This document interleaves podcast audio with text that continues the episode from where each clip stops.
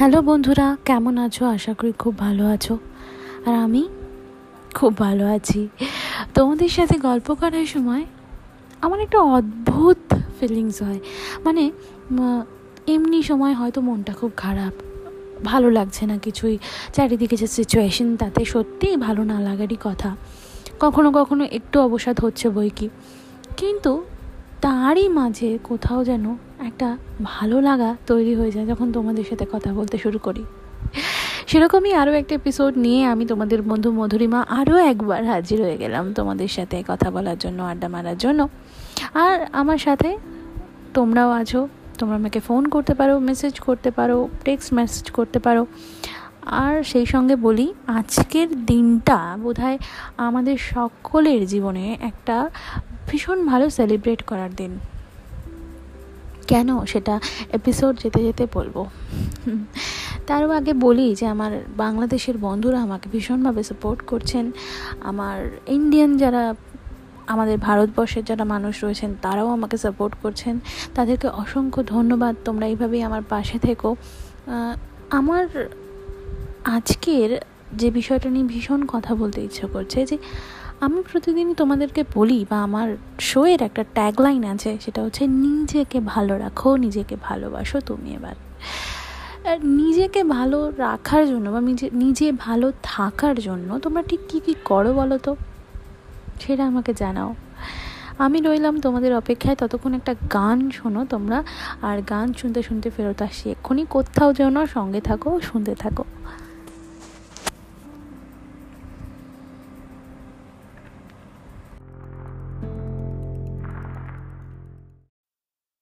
ছেড়ে দিলে সোনার গো খেপা ছেড়ে দিলে সোনার গো আমরা আর পাব না। আর পাব না।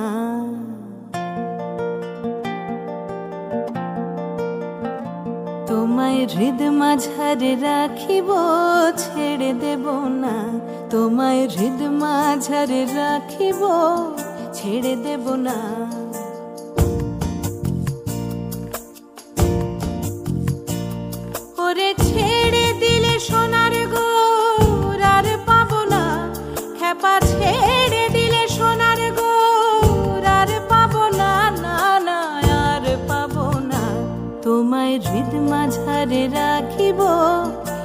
ছেড়ে দেব না তোমায় হৃদ মাঝারে রাখিব ছেড়ে দেব না।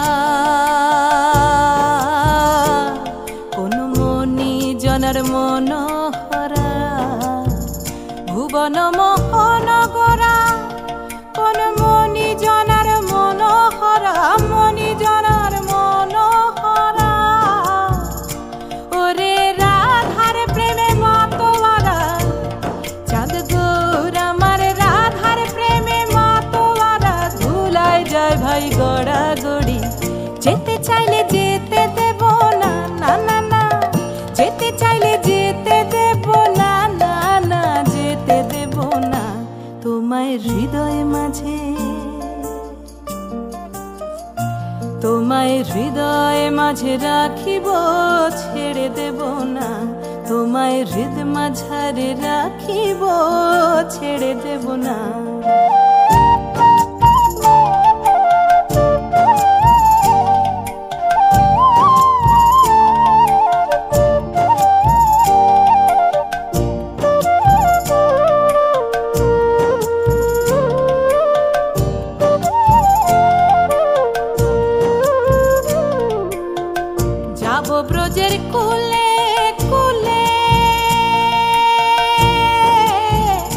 ব্রজের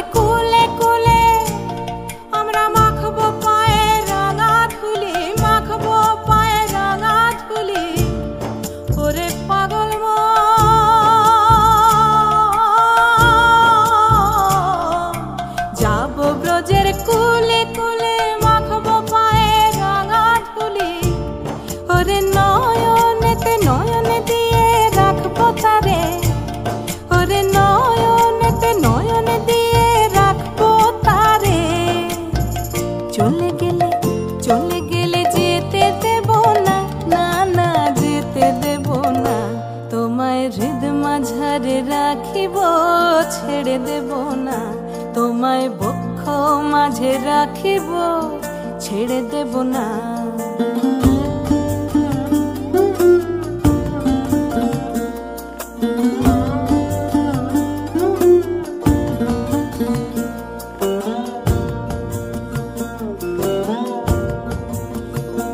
ডাকে চাঁদ গৌর বলে ভয় কি গো তার ব্রজের কুলে। যে ডাকে চাঁদ গৌর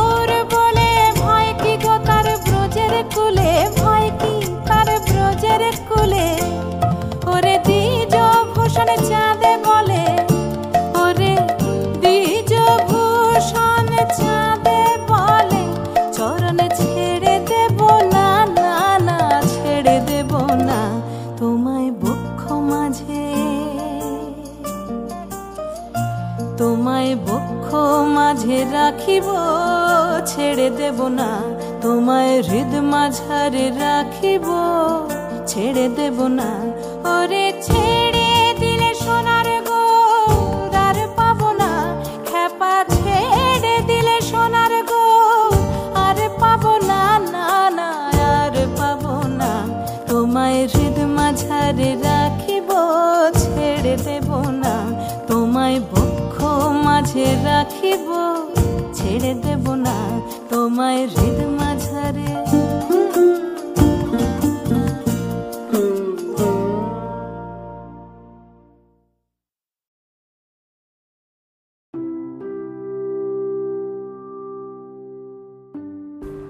কেমন লাগল? নিশ্চয়ই খুব ভালো লাগল। ভালো লাগারই কথা। গান শুনলেও যেমন মন ভালো হয়, সেরকম একইভাবে বই পড়লেও কিন্তু মন ভীষণ ভালো হয়ে যায়। মানে আমি বলছিলাম না যে, যখনই আমরা নিজেদেরকে ভালো রাখতে চাই, তখন আমরা অনেক কিছু করি। কেউ আঁকা, আঁকি করেন, কেউ তার ফেভারিট গান শোনেন, কেউ বা ঘর গোছাতে ভালোবাসেন, কেউ বা ঘুমোতে ভালোবাসেন। আবার ম্যাক্সিমাম মানুষই বোধহয় বই পড়ে নিজেদের সময়টা অনেকটা কাটাতে পারেন। এটা সত্যি কথা। আর এই বইটা হলো এমন একটা জিনিস যা আমাদেরকে অনেকটাই রিল্যাক্স করে। মানুষের জীবনে বইয়ের যে কতটা কদর, সেটা কিন্তু বলা খুব বাহুল্য। কারণ যত বয়স বাড়তে থাকে, মানুষ কিন্তু তত বয়স, মনের বয়স, মানুষের বয়স দুটোই বাড়তে থাকে এবং সেখানে মনটা যদি সবুজ, সতেজ না থাকে, তাহলে কিন্তু খুব মুশকিল। কারণ মনের সাথেই তো দীর্ঘ লড়াই, ঘাত, প্রতিঘাত হয়ে হয়ে মনটা শক্ত হয়ে গেছে। সেই মনটাকে নরম করার একমাত্র অস্ত্র কিন্তু হলো এই বই। যেটা দিয়ে বোধহয় আমরা অনেকটাই নিজেদেরকে হালকা করতে পারি। সে পঞ্চাশ বছরের বৃদ্ধ বৃদ্ধাই হোক, বা প্রবীণী হোক, বা কৈশোরী হোক যে কোনো বয়সে যে কোনো বই তাকে যে কোনো বয়সে নিয়ে যেতে পারে।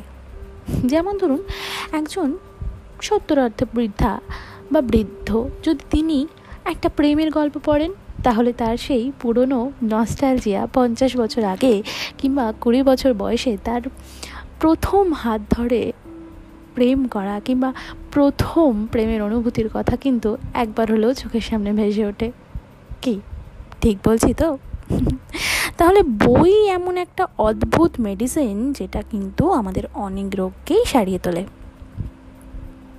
যে কোনো ধরনের বই হোক, সে হতে পারে ভূতের, প্রেমের, রহস্যের কিংবা কবিতার, আবার রূপকথারও হতে পারে।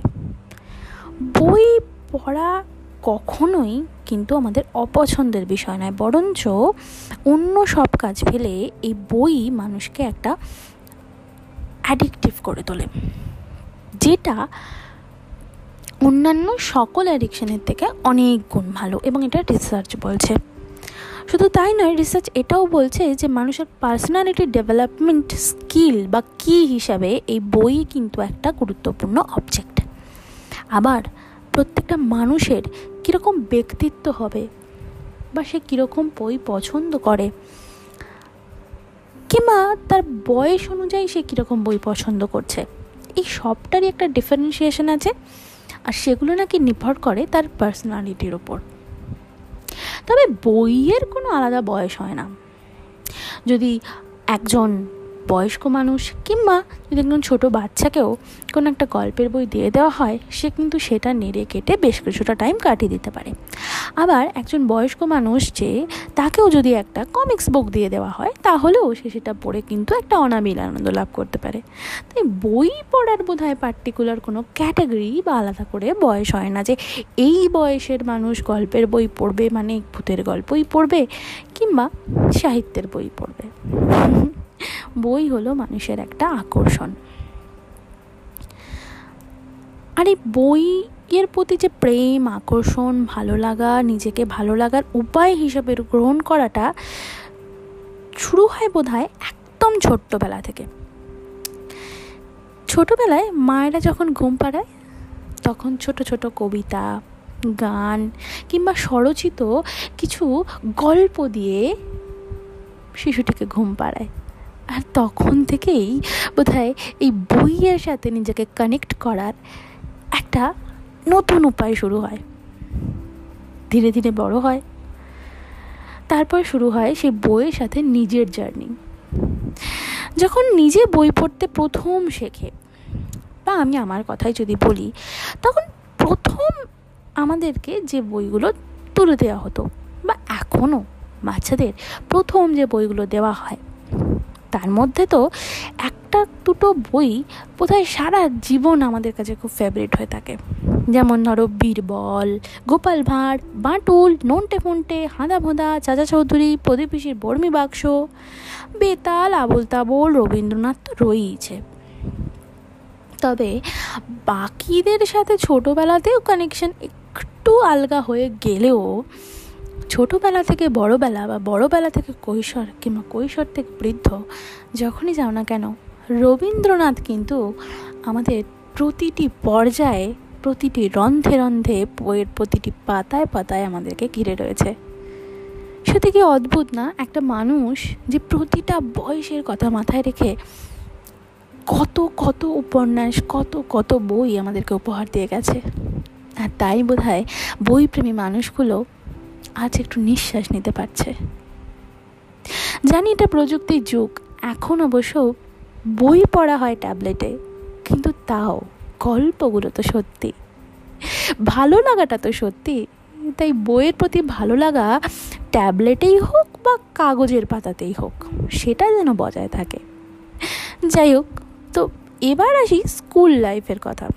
প্রথম স্কুলে যাচ্ছি তখন একটু একটু করে আকর্ষণ শুরু হলো ভূতের বই বা ডাকাতের বইয়ের ওপর আর রবিবার কিংবা যে কোনো ছুটির দিন মানেই পাটন পেরে বসে পড়া বাড়ির বড়রা, যারা বই পড়তে ভালোবাসেন কিংবা ঠাকুমা দিদিমারা, যারা গল্প শোনাতে ভালোবাসেন তাদের কাছে এই ভূতের গল্প কিংবা একটা ছোট্ট টুনটুনির গল্প শোনার জন্য। আবার মা ঠাকুমাদের কাছে রামায়ণ মহাভারত শোনার কিন্তু একটা অদ্ভুত আনন্দ ছিল, যেটা বোধহয় সারা জীবন অনেক কিছু শিখিয়েছে। সত্যিই তাই। আবার যত বড় হয়েছি, বিভিন্ন মানুষের সাথে পরিচিতি ঘটেছে, স্কুলে বন্ধু বেড়েছে, তখন একটা নতুন ওয়ার্ডের সাথে পরিচিতি ঘটেছে। সেটা হলো ডিটেকটিভ, গোয়েন্দা। আর তখনই মনে হয়েছে আচ্ছা একটু নেড়ে কেটে দেখা যাক তো, গোয়েন্দা গল্প কী আছে? আর তখনই বেরিয়ে এসছে সেই গোয়েন্দা গল্পের ঝুলি থেকে শার্লক হোমস, ফেলুদা, মিতিন মাসি, কিরিটি, এসব অসাধারণ কালেকশন আর তার মধ্যে আরও একটা ইন্টারেস্টিং বিষয় হলো প্রফেসর শঙ্কু। এসবের মাঝেও কিন্তু ঠাকুমার ঝুলি আবল তাবল সুকুমার রায়, সত্যজিৎ রায়ের বিভিন্ন গল্প। আমাদেরকে বারবার অভিভূত করেছে। অনেকটা সময় গ্রীষ্মের ছুটি কিংবা পুজোর ছুটিকে কাটিয়েছে। এই পুজোর ছুটির একটা আলাদা আনন্দ ছিল। পুজোতে তো হই হুল্লোর আনন্দ সবই হতো। তার মাঝে আরও একটা উপরি পাওনা ছিল শারদিয়া। মানে দুর্গা পুজোর মেন অ্যাট্রাকশন যতই দুর্গা ঠাকুর হোক ওয়েট করে থাকতাম কবে বেরোবে পূজা বার্ষিকী শারদিয়া, আর দুর্গা পুজো কাটলেই যে ছুটিটা পাওয়া যেত। হোমওয়ার্ক সেরে কখন তাড়াতাড়ি বিছানায় গিয়ে শোকতারা কিংবা আনন্দ মেলায় ডুবে ডুবে থাকা যাবে? সেই অপেক্ষায় থাকতাম।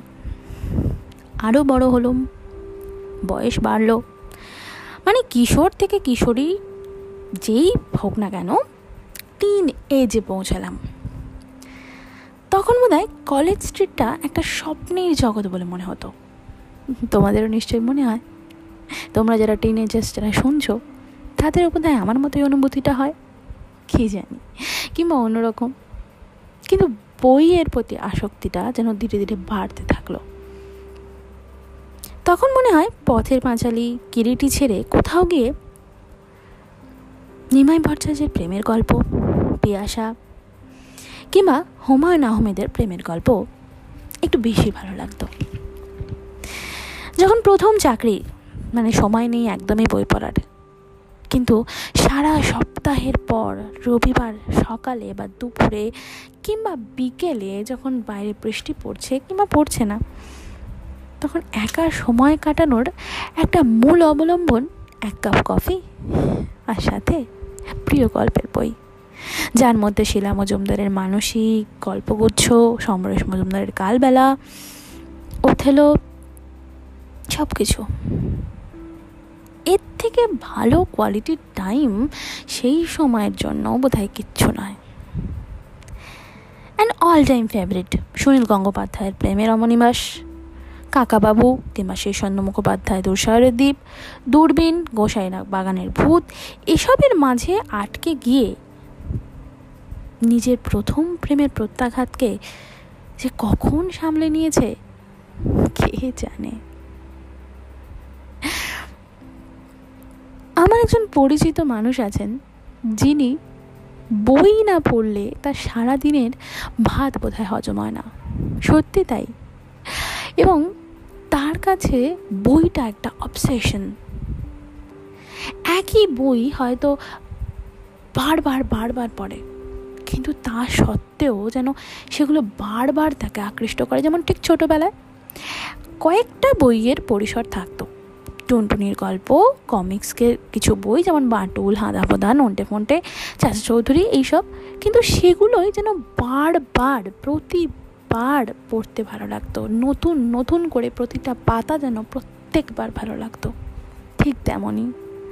সত্যি, এই ফিলিংসটা বোধ আমাদের অনেকেরই হয় যে একই গল্পের বই একটু বিভিন্ন সময় পড়লে বোধহয় বিভিন্ন রকম লাগে।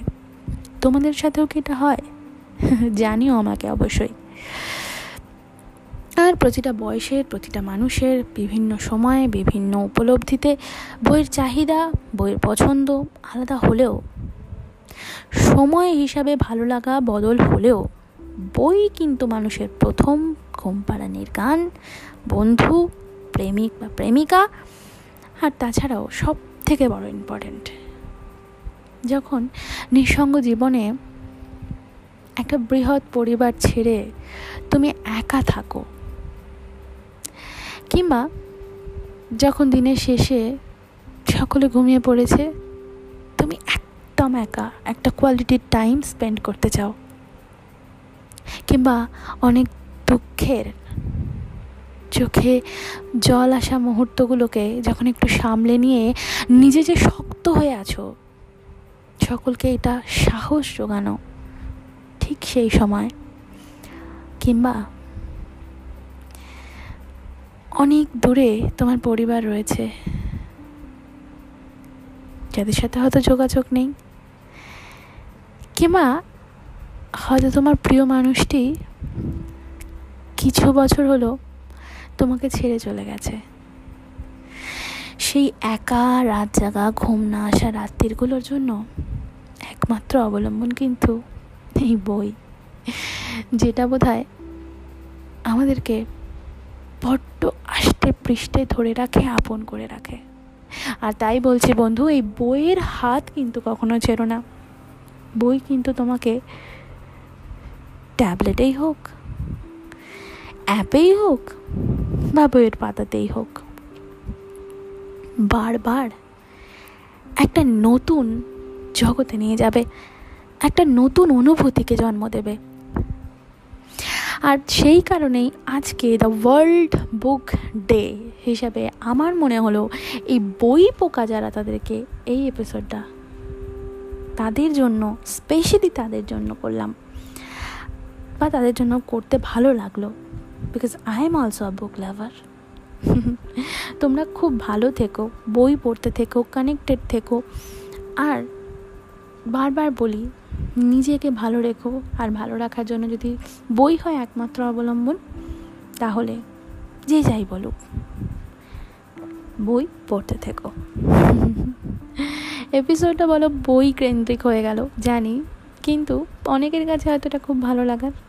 তাই বলছি, বন্ধু, খুব ভালো থেকো। আর যেতে যেতে আরও একটা গান তোমাদের জন্য আমি রেখে গেলাম। শুনতে থেকো, খুব ভালো থেকো। আবারও কালকে একটা নতুন এপিসোড নিয়ে, নতুন একটা টপিক নিয়ে তোমাদের সঙ্গে হাজির হয়ে যাব। আমি মধুরিমা, ততক্ষণের জন্য গুড নাইট খুব ভালো থেকো, সুস্থ থেকো।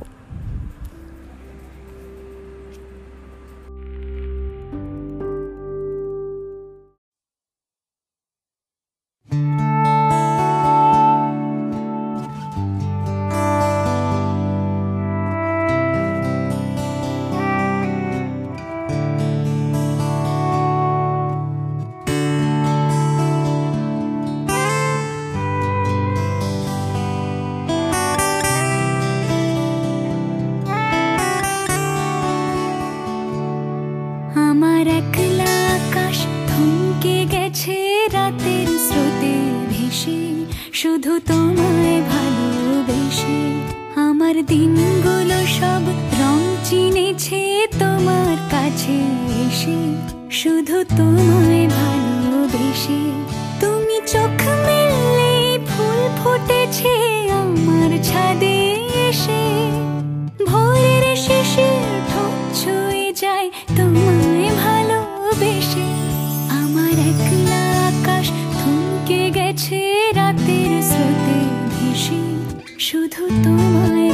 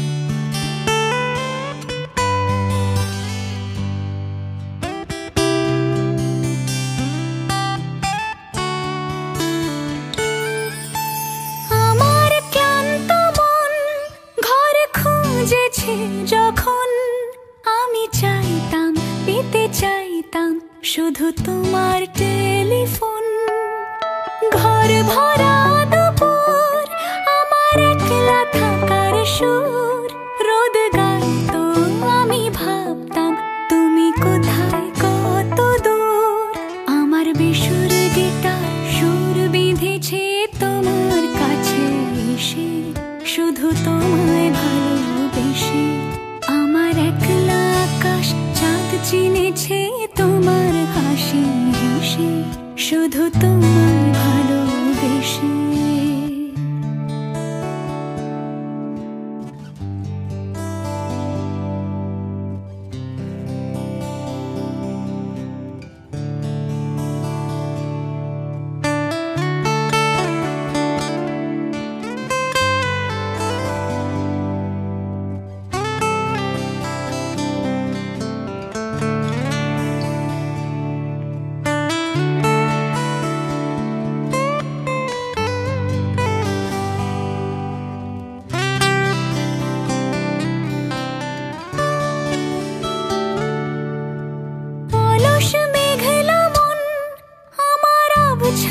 ঘরের কোন চেয়ে তো ছুতে চাইতো তুমি আসবে আর কখন?